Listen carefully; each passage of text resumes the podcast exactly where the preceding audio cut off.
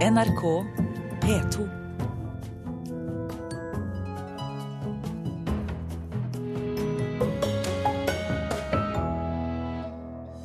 Nye satellittbilder viser store ødeleggelser i den historiske byen Aleppo i Syria. Det ble majestetisk og sprettent da britiske Blur ble gjenforent på Øyafestivalen i går. Det hemmelige teater trekker folk, selv uten å annonsere. Og Kyss meg, for faen i helvete, er en ordentlig seriøs, underholdende og velspilt film, sier vår anmelder om ukens norske kinopremiere. Dette er Kulturnytt i Nyhetsmorgen i NRK med Ugo Fermariello i studio. Menneskerettighetsorganisasjonen Amnesty publiserte i går satellittbilder som viser store ødeleggelser i den krigsherjede byen Aleppo, som står på Unescos verdensarvliste.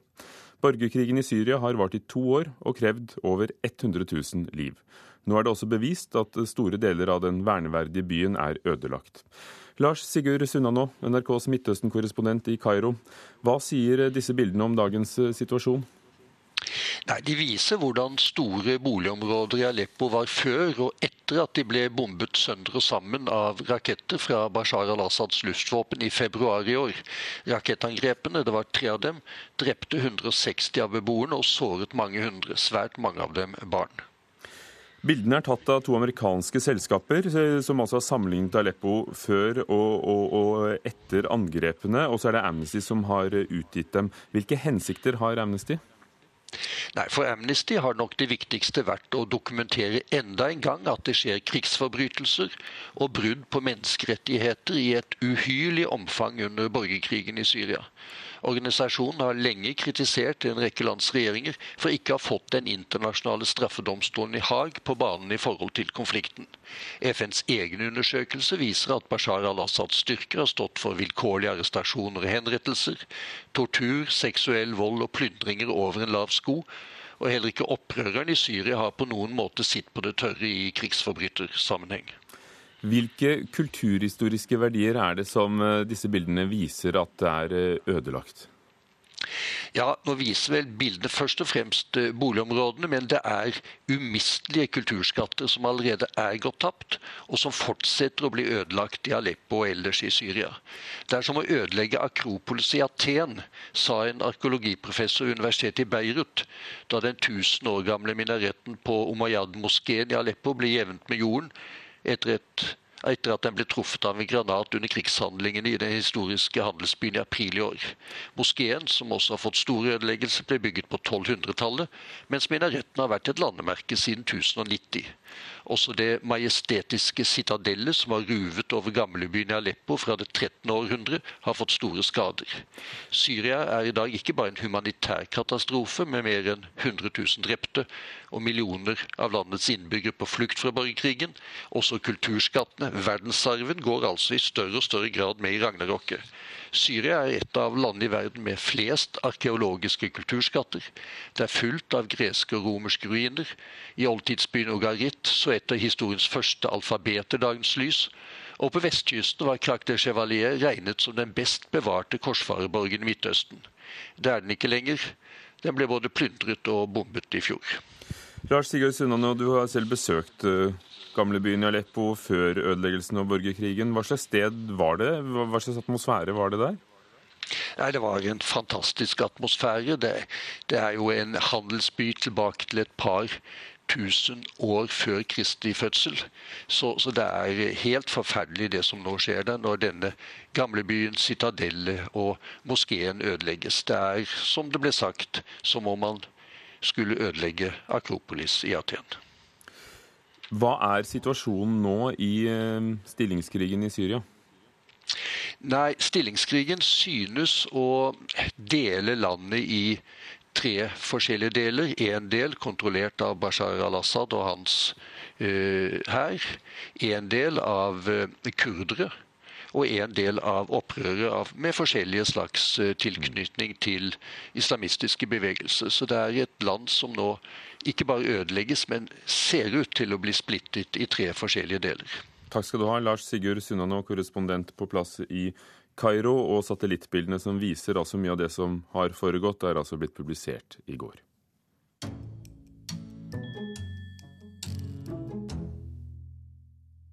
Øyafestivalen i Oslo, som åpnet i går, får i år besøk av rundt 50 representanter for internasjonal musikkpresse. Ikke alle av dem har like stor innsikt i norsk musikkliv idet de ankommer. Well, last night I saw Tremoro Tarantira at Blur, and it was their third ever gig, and they were mind blowing. John Doran skriver for det London-baserte internettmagasinet The Quietus, og har til tross for smått uforståelig uttale av norske bandnavn, god innsikt i og store forventninger til Øyafestivalens program. I tillegg til Tremoro Taranturo, som han så på Blå tirsdag kveld, ser han spesielt fram til. Um, I'm also going to be watching uh, Housed. Um, very much looking forward to seeing that. I'm also looking forward to seeing my friends Death Crush playing on Friday. But I mean, uh, overall, I guess like uh, any opportunity to see Mayhem play live in Oslo.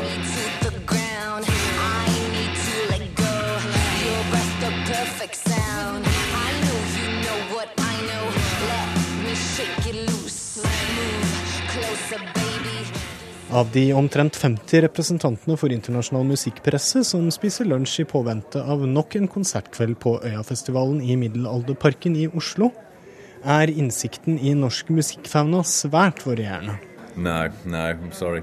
I don't know. uh, Phil Harrison. I'm writing for Time Out London. Uh, I don't know enough of the Norwegian bands that are playing here to um, really say, I'm afraid. My name is Stephanie Binet and I'm writing for the daily newspaper Le Monde. Le Monde har eh, heller ikke særlig stor innsikt i norsk musikkliv, men stiller med åpne ører, klar for å avkrefte franske myter om norsk musikk. The, the we have uh, of in France, it's uh, metal, hardcore, or very pop like haha or stuff like this. So to, to look for the new scene in Norvegia, Norway, you know. Blant uh, musikkjournalistene Kulturnytt uh, fikk huka tak i, ser Jenny Wahl, Death Crush og The Shining ut til å toppe forventningslista. Resten får seg forhåpentligvis en og annen øreåpner i løpet av de neste dagene og kveldene. Luke Slater, Drowned in Sound. Most of all, I'm looking forward to seeing uh, Jenny Wahl and uh, Shining, I think. Um, two quite different artists, but I've seen them live before, and their most recent records are fantastic, and they're both fantastic live as well. So hopefully it should translate. Um, well, especially Shining live is a is an interesting combination of kind of musical prowess, kind of heavy metal, jazz, and getting your ears pounded and your chest pounded as well at the same time.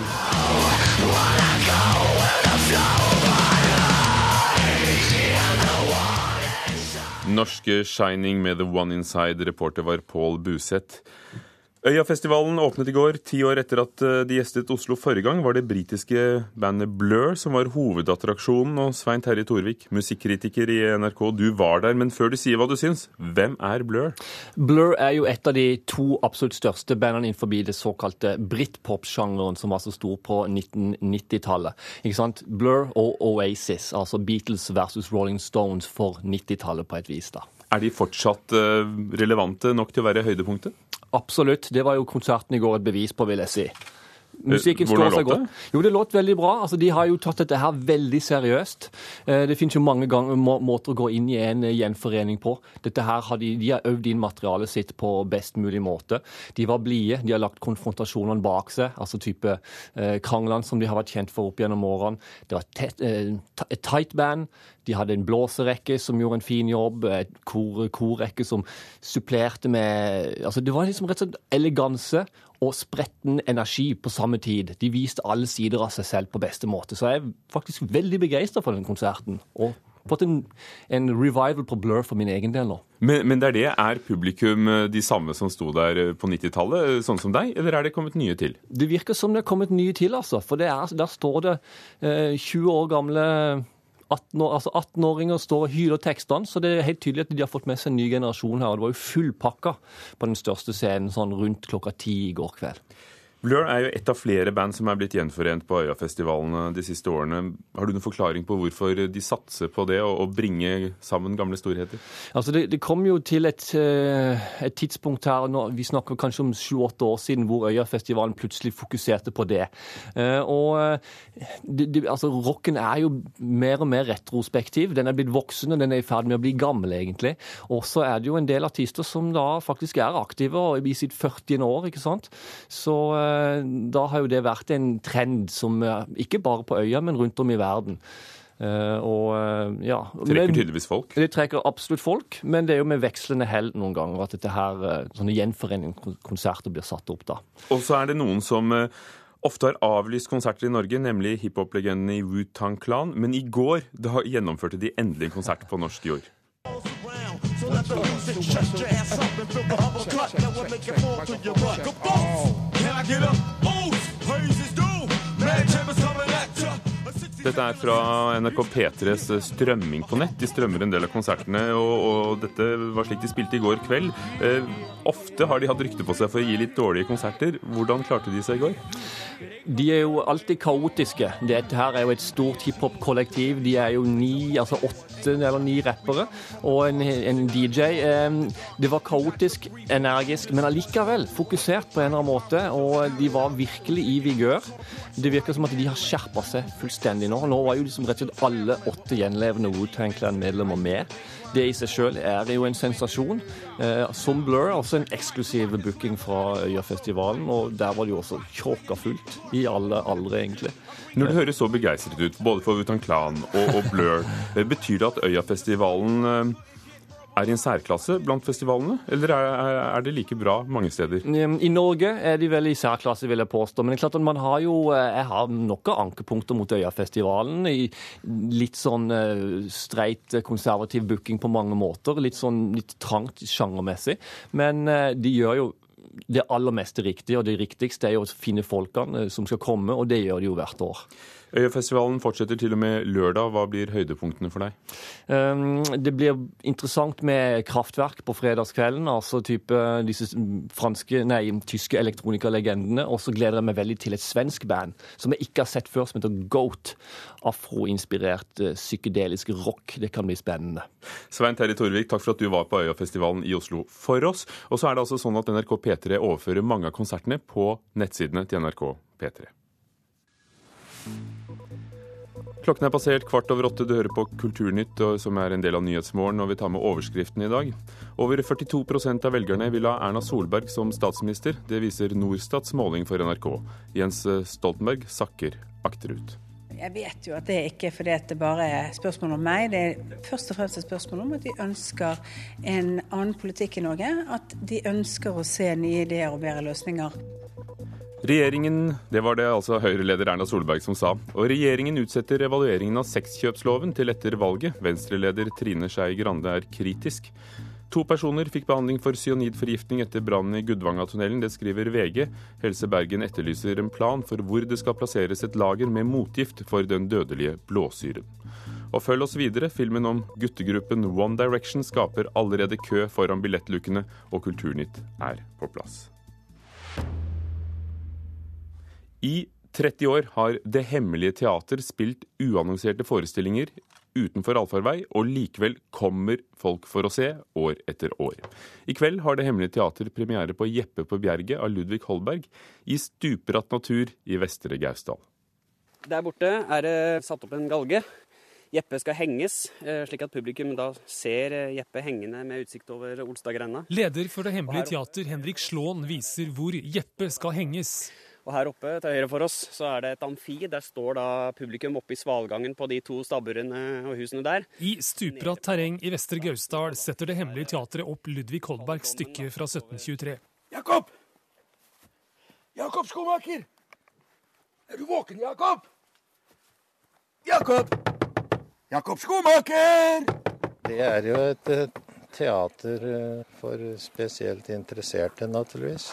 Sier Audun Gjermstad, teaterentusiasten som starta Det hemmelige teater i Vestre Gausdal i 1983. Her er damekostymer, herrekostymer. Teaterbygget er som et fullverdig teater med kostymelager, hovedscene, snorloft, sminkerom og amfi med 80 sitteplasser. Det er fullstendig teater, men i miniatyr. Arbeidet både ved Nationaltheatret og ved Nasjonale Scene i Bergen, men jeg syns vel at dette teatret nå er hakket finere. Sier skuespiller Morten Jostad. Hva syns du om skinka, da? Er ikke det ålreit? Er, er du enig, Audun? Ei uke hver sommer samles ei gruppe teaterinteresserte her i Vestre Gausdal for å arbeide med Det hemmelige teater utenfor allfarvei. Vi bor her, vi sover her, vi spiser her og jobber fra morgen til kveld med teater. Og da kommer utrolig langt på ei uke med intens jobbing eh, med ett og samme stykke. Kone må jo få pikekyss! Eller stive, stive brystvorter. Siden starten for 30 år siden har teatret satt opp alt fra Tsjekhov, Kapek, Pinter til Gaustads egen store forteller Hans Aanerud, og nå Holberg. Har du skillingen, da? Ja, du, du skal få den i morgen når jeg kommer tilbake. Jakob Skomaker skjenker ingen på Borg. Du har I mange år hadde Det hemmelige teater kun hemmelige forestillinger for innbudte gjester. Nå satser Teaterforeningen med 170 medlemmer fra hele landet på åpne forestillinger. Jeg hadde jo ikke forestilt meg at det skulle bli til de grader eh, stort som det er blitt, og så, så kjent, og at det blir besøkt av så mye folk. Men eh, det er jo veldig moro, for det betyr jo at teater er mangt, og det kan fenge mange. Skål, Jakob. Takk, Jeppe. At teateret ligger høyt oppe i lia i Vestre Gausdal er bra, mener teaterpioneren Audun Gjermstad. For de fleste som går i teater, de går jo i et, i et tett miljø, i bymiljø helst. Det er der teatret er lagt. Og hvorfor skal en eh, absolutt gå inn i, i trikkelarm og drosjetrafikk og støy for å nyte kunsten? Hvorfor ikke nyte kunsten i et helt annet miljø? Og så har de nettopp innført poteten, kom jeg på. Så det er de veldig stolte av. At, eh, at de har innført poteten fra, fra Amerika. De gjør de siste forberedelsene før Jeppe skal kles ut som baron og skjenkes full. I kveld er det premiere på jubileumsforestillingen Jeppe på Bjerget som vandreteater høyt oppe i den stupbratte lia i Vestre Gausdal. Din skål og min skål og alle gode venners skål. Ja. Det, det gjorde godt i maven. Lykke på reisen, Jeppe. Takk, Jakob Skomaker. Til byen, til byen, her kommer Jeppe glad. Til byen, til byen, vi roper høyt hurra. Og Det Hemmelige Teater spiller Jeppe på Bjerget i Vestre Gausdal i kveld, i morgen, lørdag og søndag. Og reporter Stein S. Eide hadde allerede sett litt.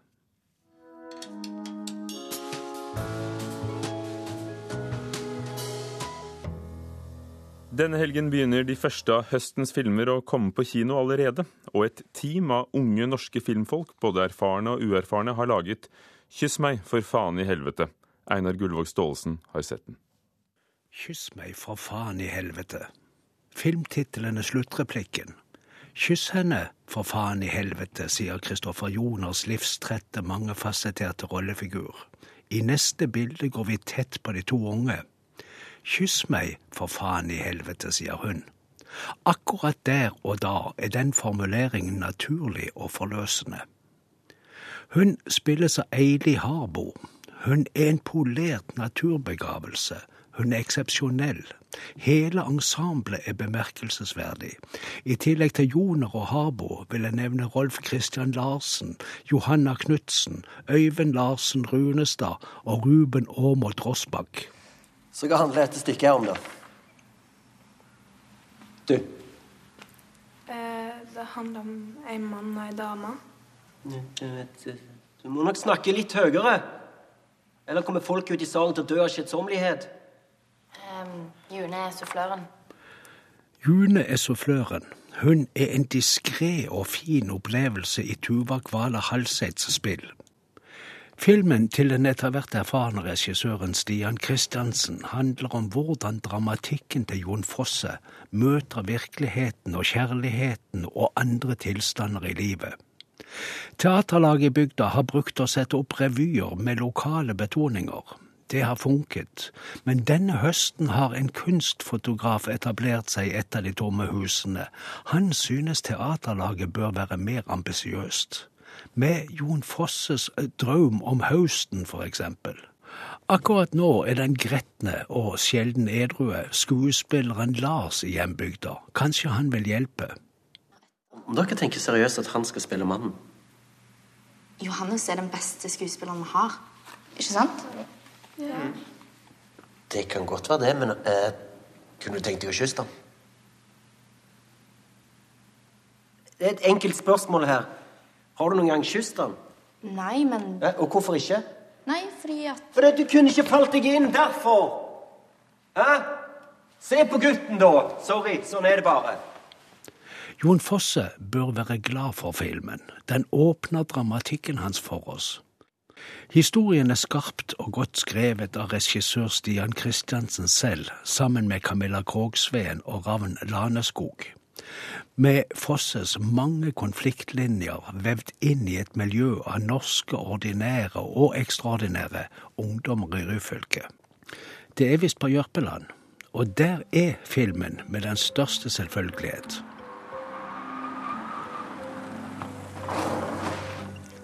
Skriverteamet, regissøren, fotografen og alle de andre kreative gir oss underholdende og vektig analyse av kompleksiteten i alminnelighetene. Fotografen, Trond Tønder, har øye for både skjønnhet og substans. Den diskré lyddesignen er like imponerende. Stian Kristiansen er en av de som har drevet med film i Stavanger siden Mongoland i 2001. Han spilte en rolle der, og det samme gjorde han i Alt for Egil i 2004.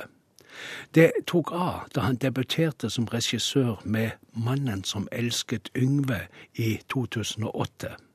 Så laget han Jeg reiser alene i 2011. Kyss meg for faen i helvete er et langt skritt videre. Denne filmen er høyverdig uten jåleri, og folkelig med moderat frieri.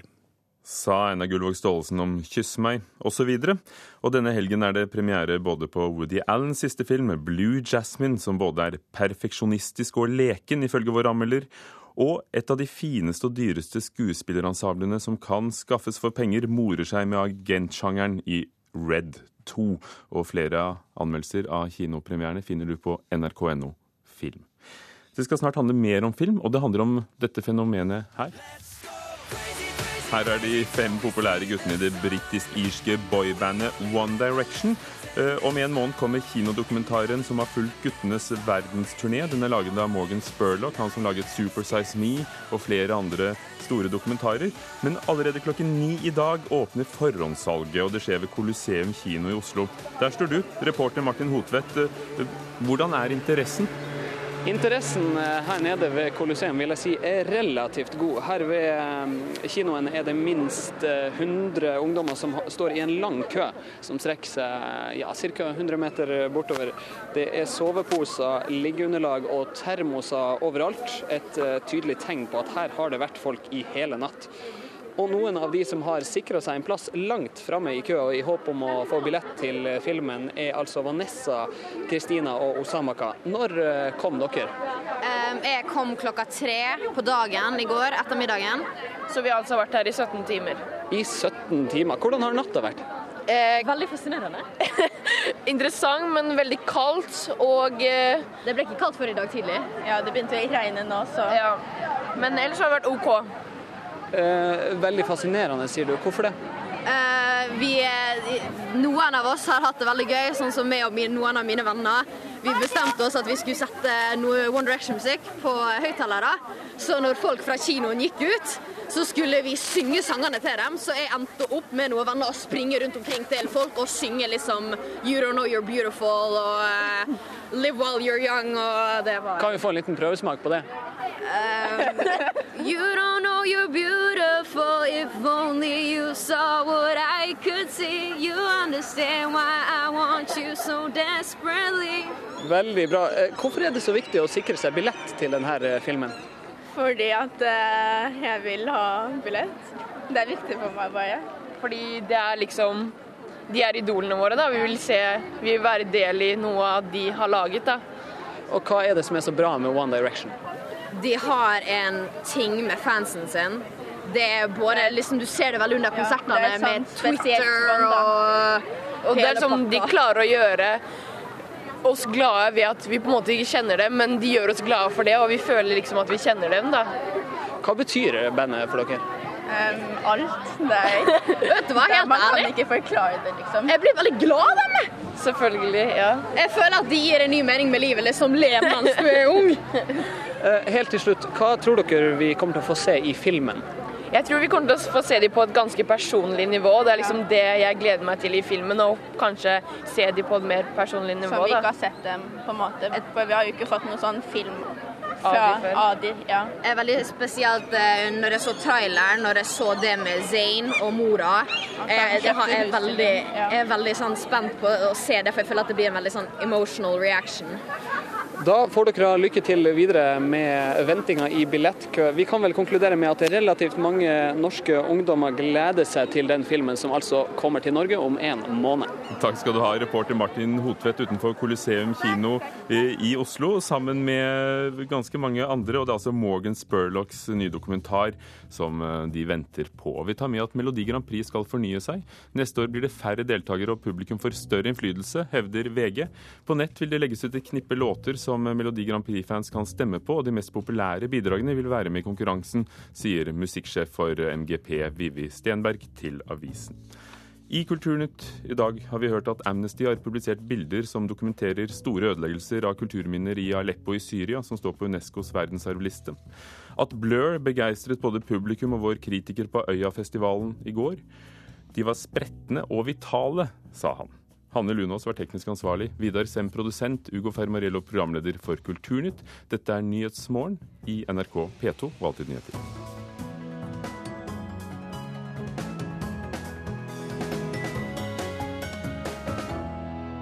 Hør flere podkaster på nrk.no podkast.